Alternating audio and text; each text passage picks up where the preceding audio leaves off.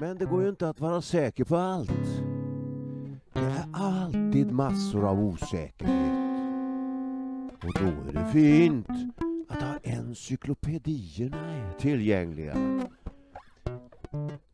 Det blev sannerligen fart på ryska revolutionen.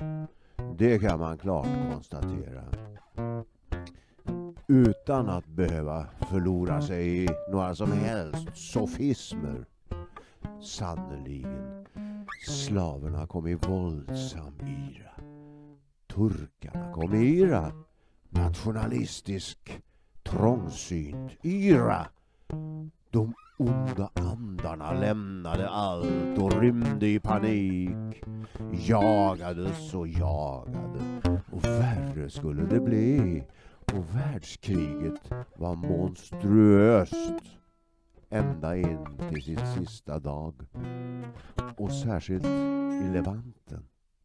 Många dagar efter det att freden slutits. I Pireus blev det en ny oväntad oro med närmare en miljon smyrniotor ilandsatta och jag träffade i smyg den allestädes närvarande Nansen och vi gick tillsammans med bankiren Missalidis genom läget. Nansen sprutlade av realistiska planer och, och var av den uppfattningen att i ett krig var det alltid två sidor av saken. Och det var sällan det var lika tydligt ont och gott som de sa. Och när det gäller Armenien och deras öde på Hellesponten. Oh, där var det en tydlig ond och en god sida. Ja, det visste kapten Quisling. Som visste det mesta om Ryssland i övrigt. Försökte att få sagt något, men fick inte fram det. Hans chef Nansen rapporterade hem om den ohyggliga katastrofen när ungturkarna än en gång drev ett helt folk rakt ut i öknen, rätt i döden. Var hade armenierna sin kristne gud? Och var hade de sin kristna västliga bröder och systrar? Uppehållna på ungturkens västflank där lukrativa kontrakt stod på spel. De stolta armenierna fördrevs från sina hem och jordar. Törstade och svalt. piskades och förnedrades medan de ropade sina böner till Gregor Upplysaren. De såg den enfödde stiga ner från skyarna och slå guldhammaren i marken. Vid det Jamidadzin. De dog och de tog skepnad av fjärilar som virvlade över Vagarjapats blommande frukt. Deras viskningar hördes i natten bland de ruiner som efter tusen år av krig gapade som dödskallemunnar i öknarna och längs bergskammarna. Både Nansen och jag hörde dessa viskningar. Vi var treeniga om att inte sådant skulle accepteras. Vi ansåg att Churchill konst borde ha gjort på ett annat vis. Det går alltid dåligt med bomber och krut. Till slut tog det i alla fall slut. Kriget tog slut. Men de slaviska och turkiska folkmorden fortsatte. Något måste göras. Dessa grekisktalande turkar hade av en ren tillfällighet överlevt i motsats till sina armenska bröder. Och nu ville de fortsätta att leva. En överenskommelse nåddes och vi gick in och en Stöd erbjöd ett lån till grekiska regeringen som direkt ryktades på Pireus med förutsättningarna att det sattes upp enkla huslängor och att det sattes fart på hamnbygget och, och gjorde att det som inte kunde repatrieras kunde komma igång och klara sig själva istället för att hota och störta landet i inbördeskrig. Den grekiska regeringen gick in på det och vips var problemen nästan löst. Det borde vara din tur att få fredspriset, sa Nansen.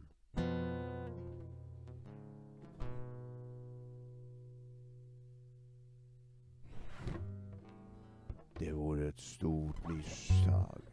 Det är just det okända i denna min verksamhet som gör hela saken möjlig. Det är svårt för socialt engagerade i vår tid att motivera samarbete med kapitalister.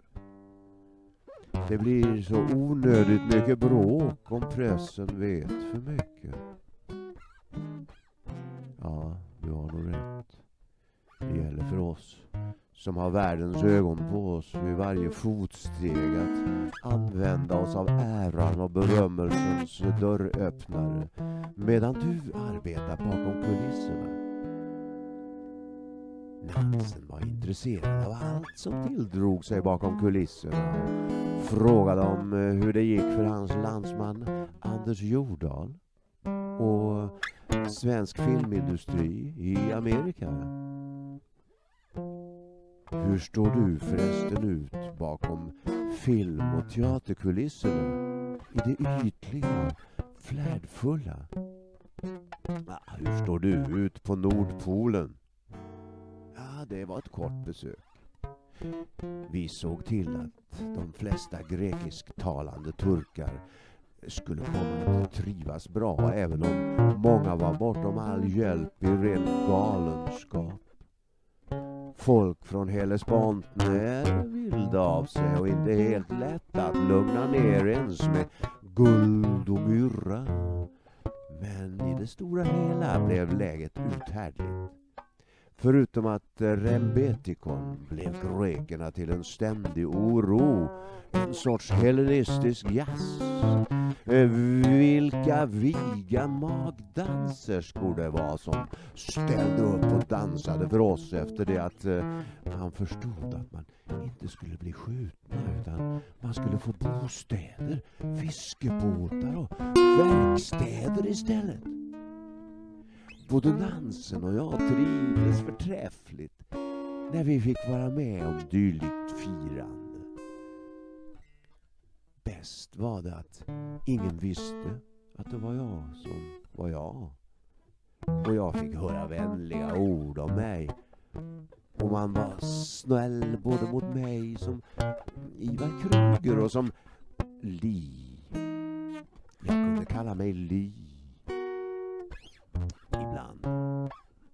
Jag hade utverkat ett tillstånd därtill av Mademoiselle som jag upprätthöll kontakt med efter våra sorgers möte ute på den Indiska oceanen.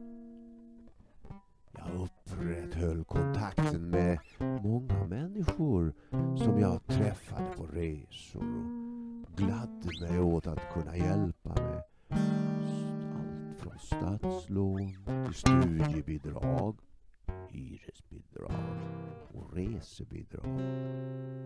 Jag anställde sekreterare i de flesta större städer och gav dem en rekorderlig lön för att stand by. Eh, något inte Torsten gillade trots att han kunde se att det inte ledde till några som helst förluster för koncernen. Eller för mig personligen. Han kanske trots allt förstod att det ju var bättre att de inte jobbade alls än att de hjälpte bakåtsträvarna. Livets glädjeämnen tog jag sedan genomgående in inkognito. Hemlighetsmakeriet var en spänning och en nödvändighet samtidigt.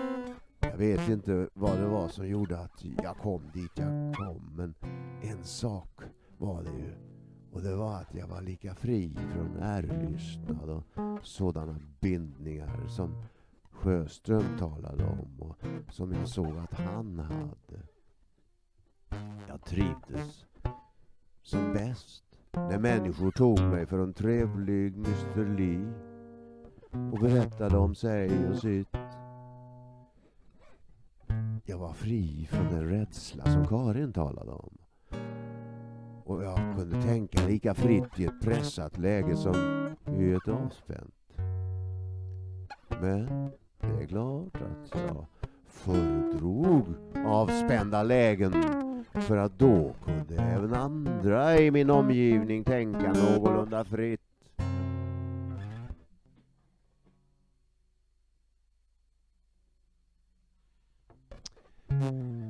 Var jag rädd för att jag inte var rädd? Ett liv utan rädsla. Fanns verkligen det? Jag seglade förbi välbevakade smugglarkonvojer ute i fenobaltiska farvatten. Jag hälsade på bland Rembetikos i Pireus rännstenar. Jag satt bland säkerhetsmän och spioner på Connys Inn i Harlem jag såg mig om och hörde mig för hur det stod till nere på Schlesischer Bahnhof i Berlin.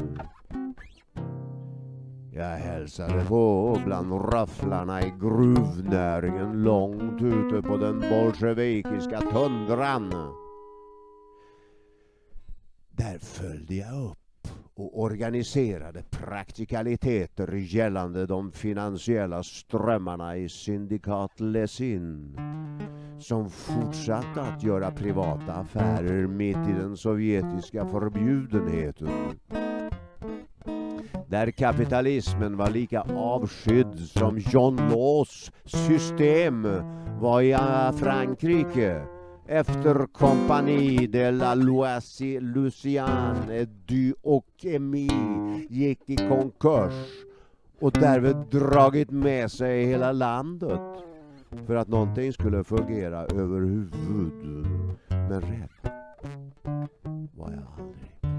Jag var inte rädd i tyfunen ute på Japanska sjön.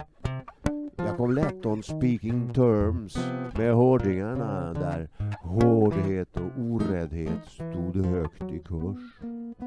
Men ju högre upp bland hårdingarna, ju lägre kurs.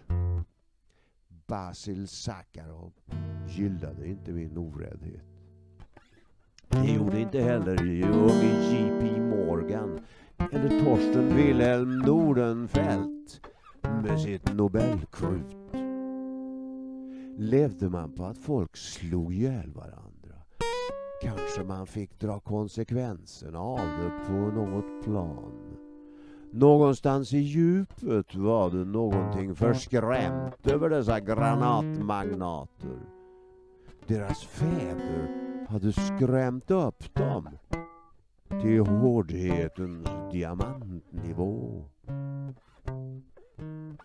Men eh, jag la mig inte i aristokraternas uppfostran. Det gjorde jag inte. Jag lade mig för övrigt inte heller i bolsjevikernas uppfostran. Jag tyckte nog inte ens att jag hade tid att uppfostra egna barn. Men ett visste jag. Och det var att en uppfostran som inkluderade dödsstraffet kunde jag inte med. Många av härskarfamiljernas djupt förstelnade barn hade dödsstraffets påtaglighet klart för sig redan i puberteten. Liksom de flesta av bolsjevikernas barn ännu tidigare. När Stalin utfärdade sin dödsdom visste man att den förr eller senare också sattes i verket. Även om man levde utanför Sovjetunionens gränser. Hela världen var full av barn som behövde så oändligt mycket mer än sådan uppfostran.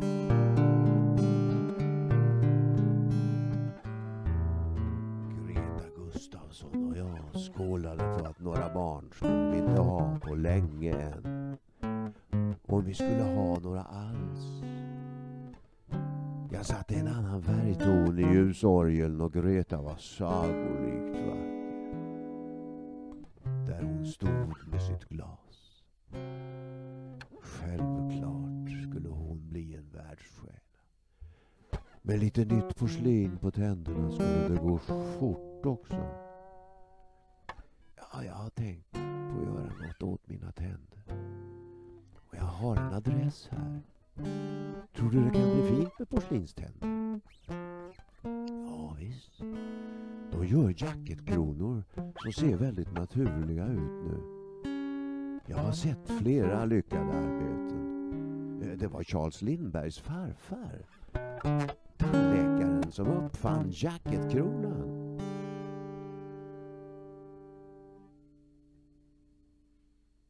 Och den har förfinats väldigt sedan dess. Ja, kanske jag skulle åka till Detroit och konsultera Dr. Charles Land. Hans tandtekniker använder fältspat och kvarts och gör det starkt och bra med en mycket avancerad koreansk keramikugn. Men vet du vad han själv kallas? Jo, kvacksalvare. Ja, men det är nog bara för att han gör reklam och påstår att jacketkronan kan göra livet till en saga. Ja, det som är nytt och väl fungerande får förstenade yrkesbröder att utföra kvacksalvardomen. Mm. Särskilt om doktorn gör reklam för sig. Behöver du göra reklam för dig? Små ord, men stora utdelningar är min reklam. Vi gick i mitten av 20-talet med en framgång som fortfarande var rent olympisk. Jag försökte dölja det så mycket som möjligt. Men ibland kände jag att det var som om vi var en enda. Att vi var de enda som kunde rädda Europa undan barbariet. Även om det kanske var 60-70 procent av befolkningen som var för en fredlig lösning i Europa var det så många handelsman...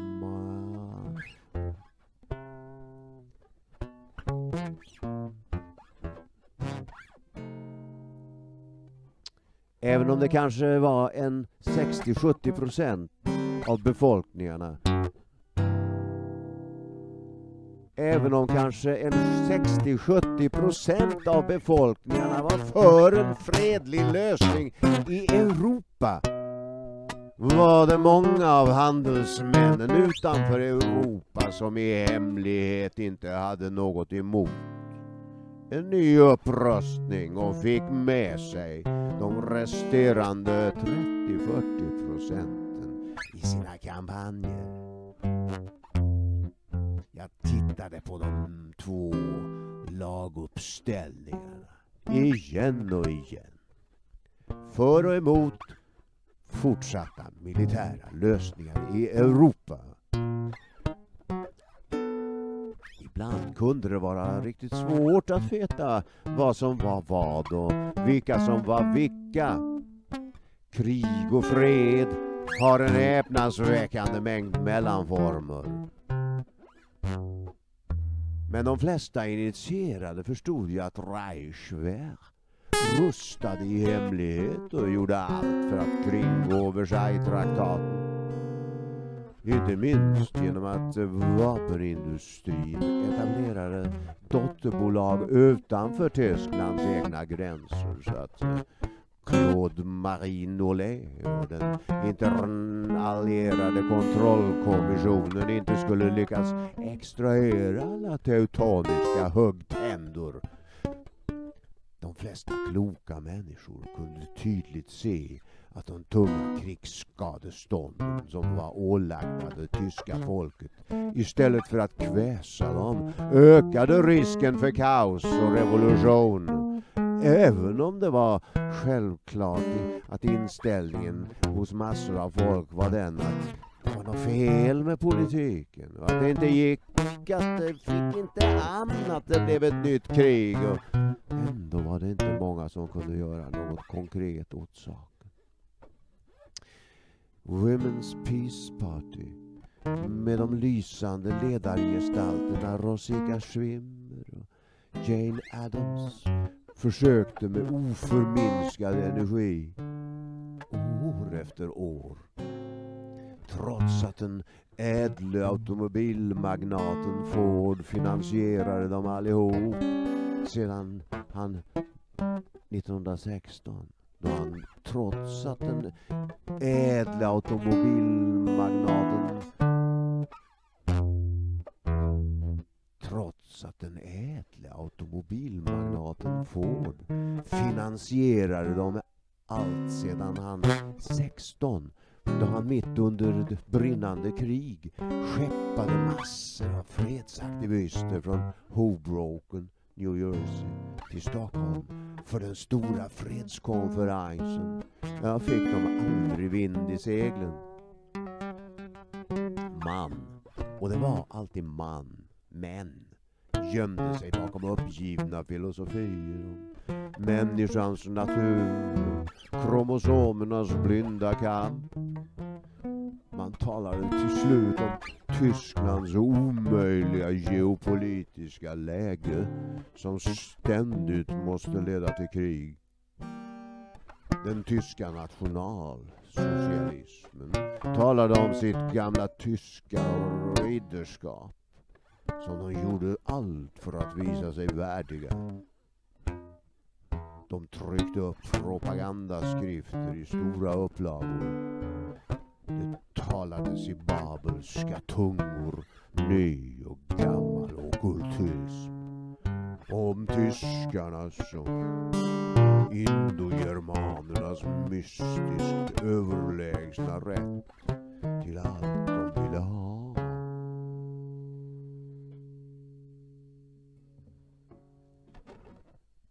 slaver talade om sina bysantinska rötter och sitt euroasiatiska intelligensförsteg. Vi slaver är mycket intelligentare än alla andra. Sionisterna, ja, de talade om sitt framtida hemland, den bibliskt bestämda återkomsten till Palestina. Efter det ottomanska imperiets fall talade ungturken tyst om hur man effektivt fick kontroll över oljeflödet från Baku genom att annihilera armenierna. Amerikanerna om sin demokrati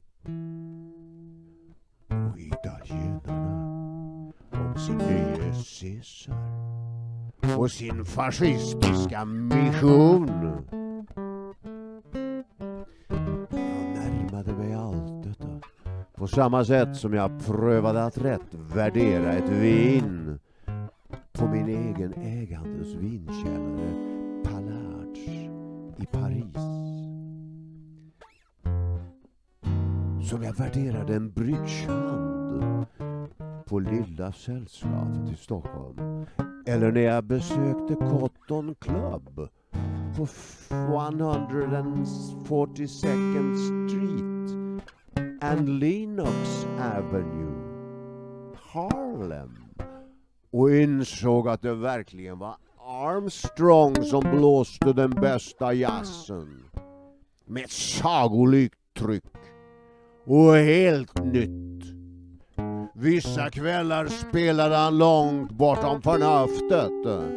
Vissa stunder drog han tonföljder in i fullkomligt nya världar. Och det var som om världen växte.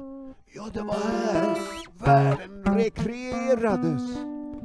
Det var i sådana ögonblick jag kunde finna fram till långsiktiga planer in i en framtid som här spirade ur sitt frö.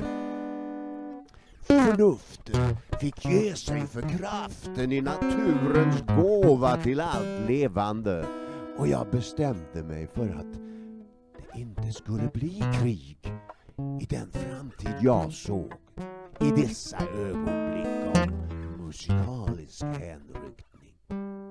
Mina systrar som alla kände sig delaktiga i vårt arbete och som ställde sina män, mina svågrar, till mitt förfogande beklagade sig över hur svårt det var att få de konkreta handlingsprogrammen fram i Europa som verkligen var för kvinnornas och barnens bästa.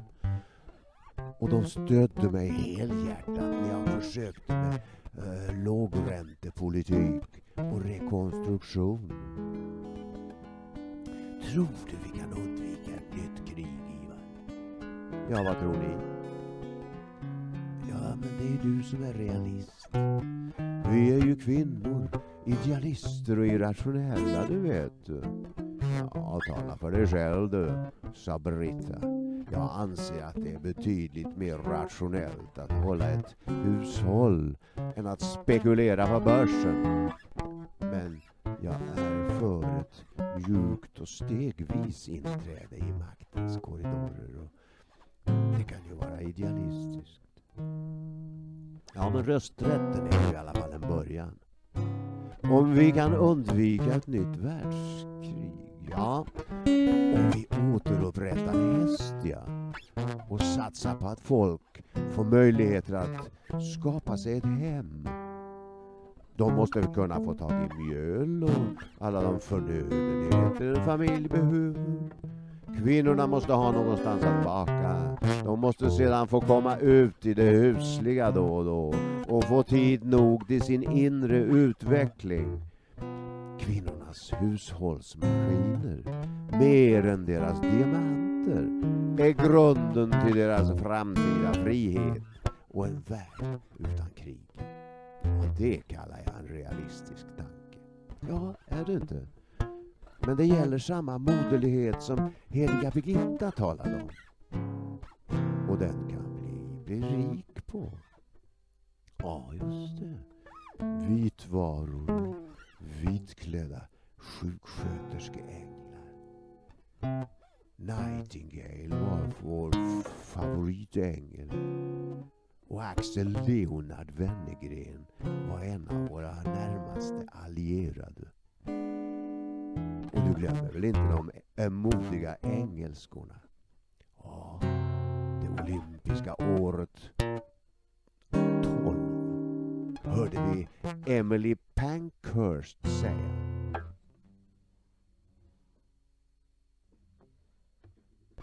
The militancy of men through all the centuries has drenched the world with blood the militancy of women has harmed no human life. Vi hoppades det skulle hjälpa. Att det ännu fanns orädda människor som ville hjälpa. Hjälpte det? Ja, det hjälpte så pass mycket att jag kunde invänta besked från den franska regimen, regeringen att den accepterade mina eh, lånevillkor och ja, därmed gjorde det möjligt för Frankrike att med amerikanska pengar lösa sitt amerikanska högräntelån. Och så kunde en avspänning komma mellan Tyskland och Frankrike.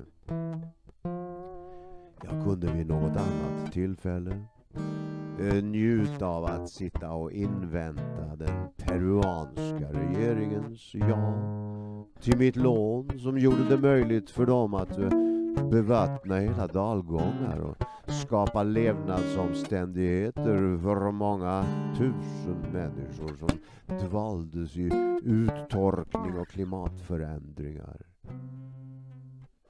Det var ju lätt att se hur man kunde gjuta bevattningsanläggningar och spränga uppe i bergsbranternas skråningar och gjuta och eh, lösa vattenfrågan. Men Madre mia, sa de, vi har inget kapital. Och även om vi hade det så har vi inga tekniska resurser. Ja, hör här! Och senior Krygor förklarade att om man tar hit en välkomponerad arbetsstyrka med några ton dynamit och ser till att transportera armeringsjärn och cement till samma ställe och låter några irrigatörer, ingenjörer och lantmätare slå sina kloka huvuden ihop ska ni få se att det kommer att blomstra i de dalgångar där det för övrigt säkerligen blomstrat redan förr. Och man ser på de där mestadels övervuxna och raserade vallarna och dikena längs dalsidorna. Ja men ni har väl sett vägen upp till Machu Picchu? Ja men kapital då? Det får ni låna av oss. Mot en lagom liten ränta. Vi begär bara att få monopolet på några varor. Ja, det var lillebrors gamla idé igen, förklarade jag för pappa när han stillsamt påpekade att monopol hela tiden var beroende av en stark och ohotad statsmakt. Du brukar inte tala om statsmakten som något positivt maktcentrum.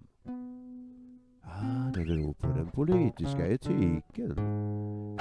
I det enskilda fallet replikerade jag och erkände att den politiska ekonomin hade sina självmotsägelser och baksidor.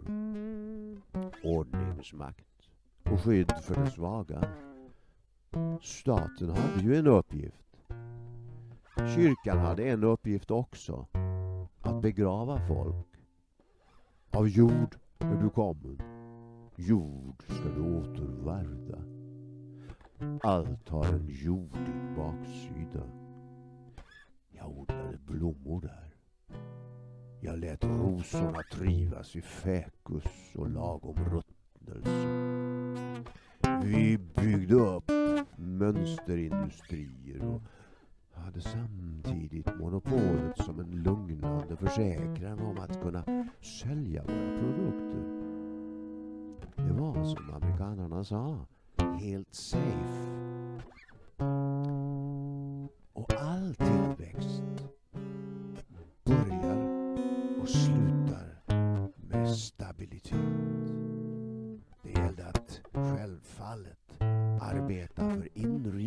Politisk stabilitet. När man har ett stabilt inrikespolitiskt läge och fredliga förtroendefulla relationer mellan myndigheter och företagare, mellan vanligt folk och dess herrar, kan man börja tala om internationell stabilitet och avspänning. Det var i den andan det stora lånet till Tyskland finansierades. I vida förgreningar.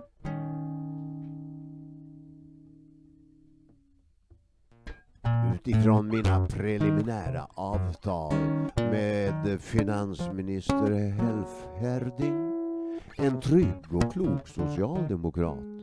Det fanns tydligtvis även sådana. Tyskland hade varit tvunget att låna kortfristigt och dyrt av en rad, rad förnäma ockrare för att bestrida sitt skadestånd. Republiken var i djup kris.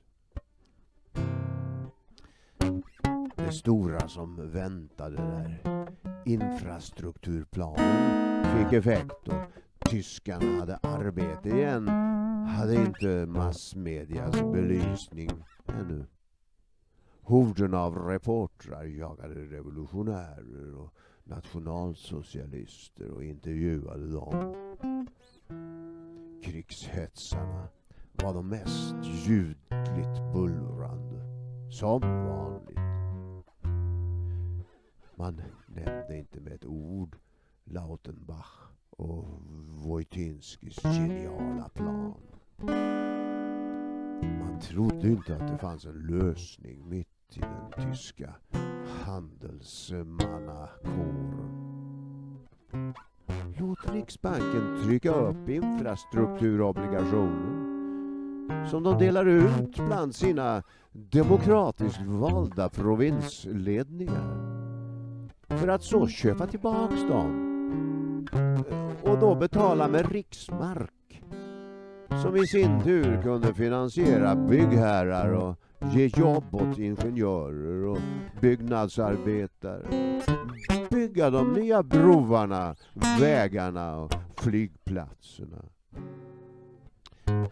Tysklands inrikesproblem var arbetslöshet och ren fattigdom. Ta bort detta problem och den politiska utvecklingen kunde ta sig fredliga och civiliserade vägar och återuppbyggas efter det oförlåtligt onda världskrig. Det var vansinne att inte stödja Tyskland i detta läge. Vansinnet och vanmakten fanns på bägge sidor och var storligen utbredd. Vansinnet kokade i energiska krigsveteraner som överlevt år av skyttegravskrig och vantrivdes i Weimarrepublikens dekadans. De som skolerats i skyttegravarna hade föga till övers för Berlins hedonister som låg med varandra som hundar och reptiler och målade urartad konst som de väste och så småningom skrek fram i hatiska radiotal och analyser. Folk var mäktiga. Vanmakten förlamade de fattiga, hungrande i depressiv förtvivling. Den materiella utvecklingen hade ställt sig i låga känslors och osund ärelystnadstjänst. Det avskyvärdaste barbari tog sig formen av en diffus mängd agenter som penetrerade civilisationen. Dessa agenter hotade och bedrog olika samhällsmedlemmar till att besluta om politiska betalningar utan att reella värden skiftade hand. Ända in i riksbankerna handlade man bedrägligt med illusioner och transfererade växlar utan att motsvarande guld, mängd guld någonsin förflyttades. Detta till trots att nationalekonomiska lagar gällde som krävde detta. Förtroendet igen. Vem kunde ha förtroendet för sin regering om den agerade så? Här måste man bestämma sig för om man skulle behålla guldmyntfoten eller inte. Det kunde inte fortsätta att vara både och. Och vissa mäktiga stater och dess byråkrater bröt mot reglerna när det passade och åtalade handelsmännen när de gjorde detsamma. Här hade jag fullt upp. Fiat pengar eller guldgruvor. Det är inte beroende på om alla värden är kopplade till Fort Knossos och en ofantlig stapel guldtackor eller till papperspengar som kan tryckas hur mycket som helst. Det är frågan om att följa överenskommelser och betala tillbaka sina skulder. antingen eller. Mindre både och. Här var lagstiftningen i ständig evolution. Och jag hade kanalerna vidöppna mellan de olika regionerna av världen där skattelagstiftningen skilde sig i effekt på penningströmmen. I Vaduz hade jag placerat alla stora, om inte största reserverna. Ja, nästan större än i Amsterdam. Det som hände vid min död var att dessa reserver konfiskerades av småhajarna som såg till att det talades minimalt om saken. Morgan Stalin och påven såg in i väggen och därmed stirrade resten av makt och myndighet in i väggen de också. Medan advokathajar virvlade omkring och slaktade vårt NV Finansielle MIJKNT in på bara skelettet. Och själva satte haj bur kring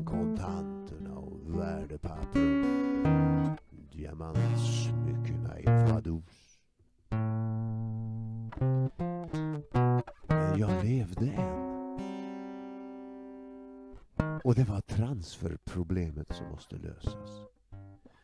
Det var osunt och destabiliserande att stapla guld och pengar i oåtkomliga valv samtidigt som svält och umbärande grasserade.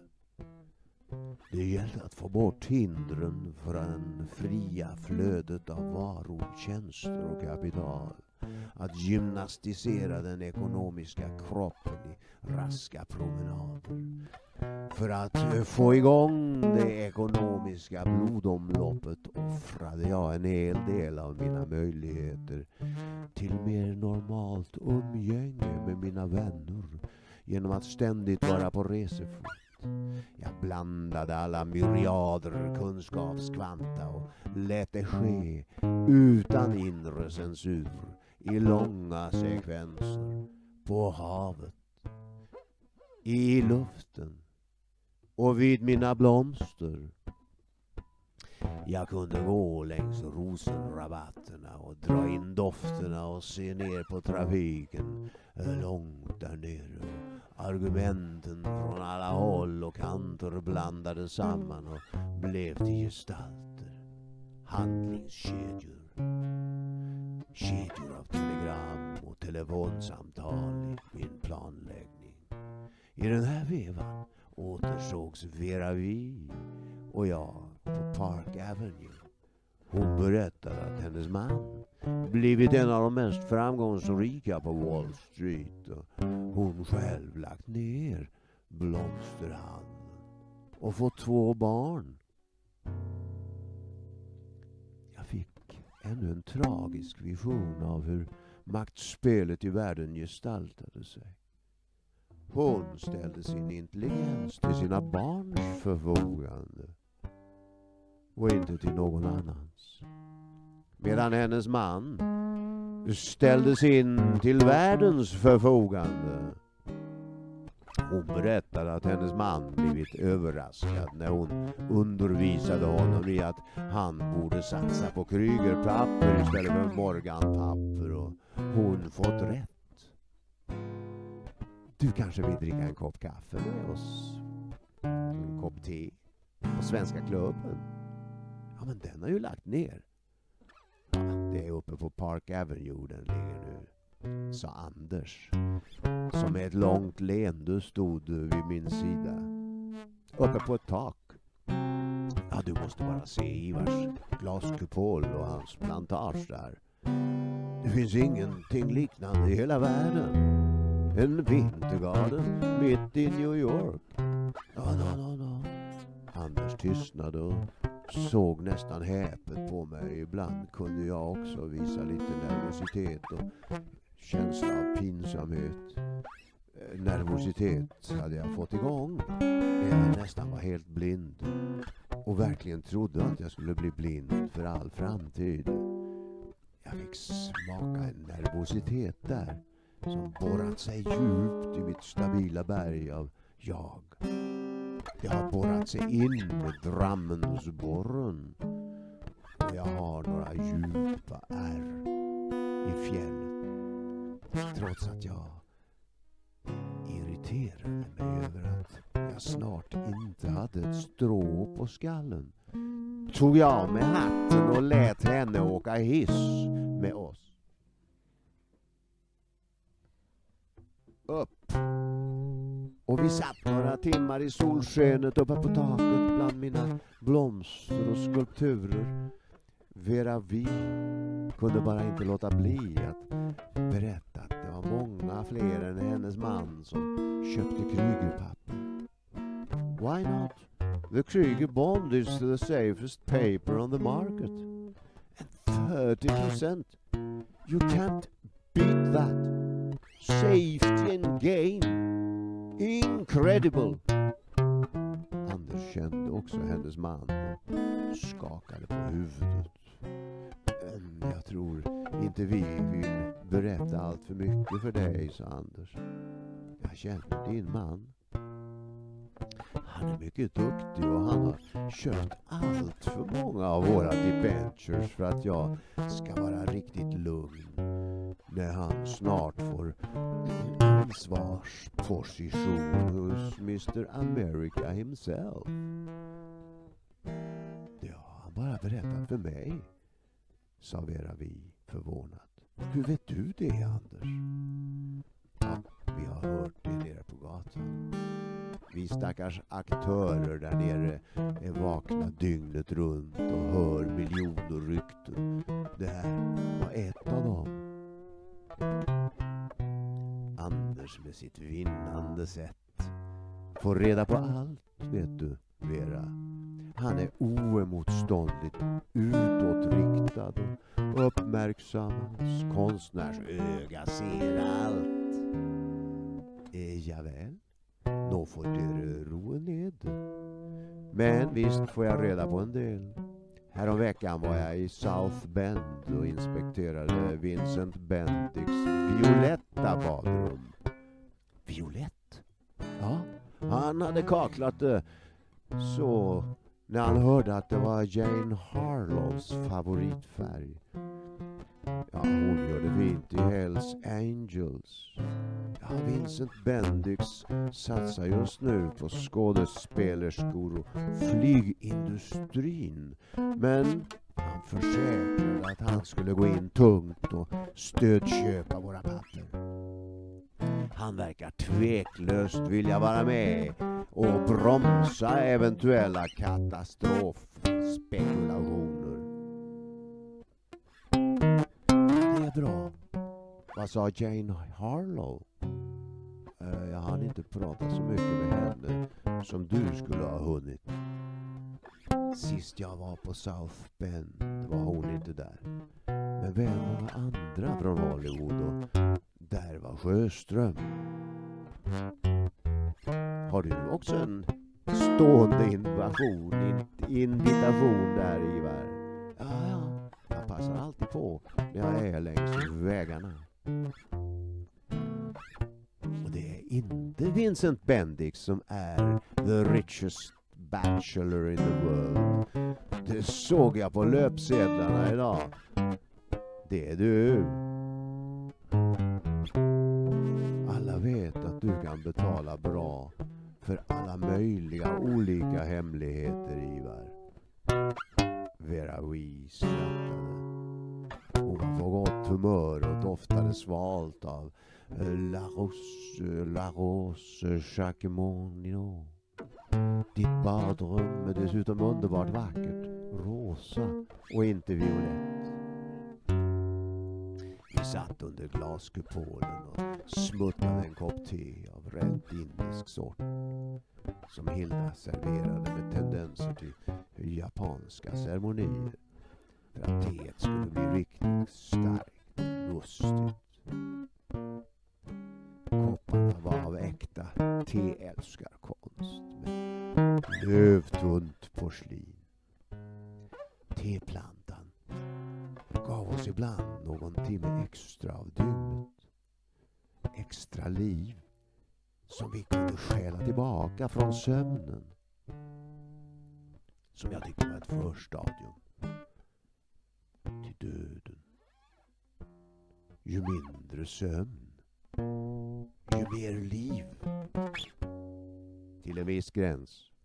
En ganska härlig gräns. Att beträda trött Trygg trötthet.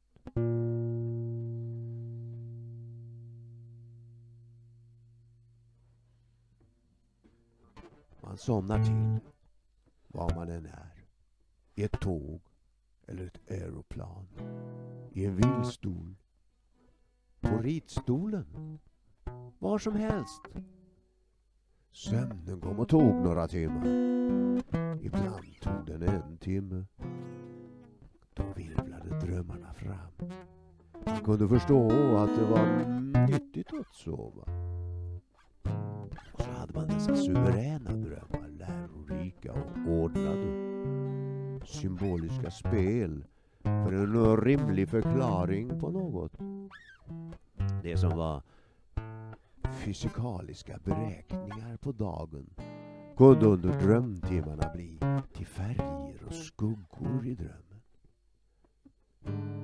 Flatiron stod där redan. Olympiastadion fanns redan innan den fanns. Som en vision av muren kring Visby. Först som vision, sedan som ritning. När färdig materiell succé rådde för oss kom vi resonemangen nära om hur att göra världen lönsamma tjänster. Vi for ut i världen och lyssnade, vi lärde. Vi hamnade här och där och jag hamnade på Park Avenue och kunde se hur bonsai-trädet var lugnet i tillvaron. Ett åldrigt, friskt och värdigt uttryck. En miniatyr för en urban själ i det lilla stadsrummet. Det perfekta trädet. Jag såg bort mot Harlem och vände sedan blicken åter mot gatan.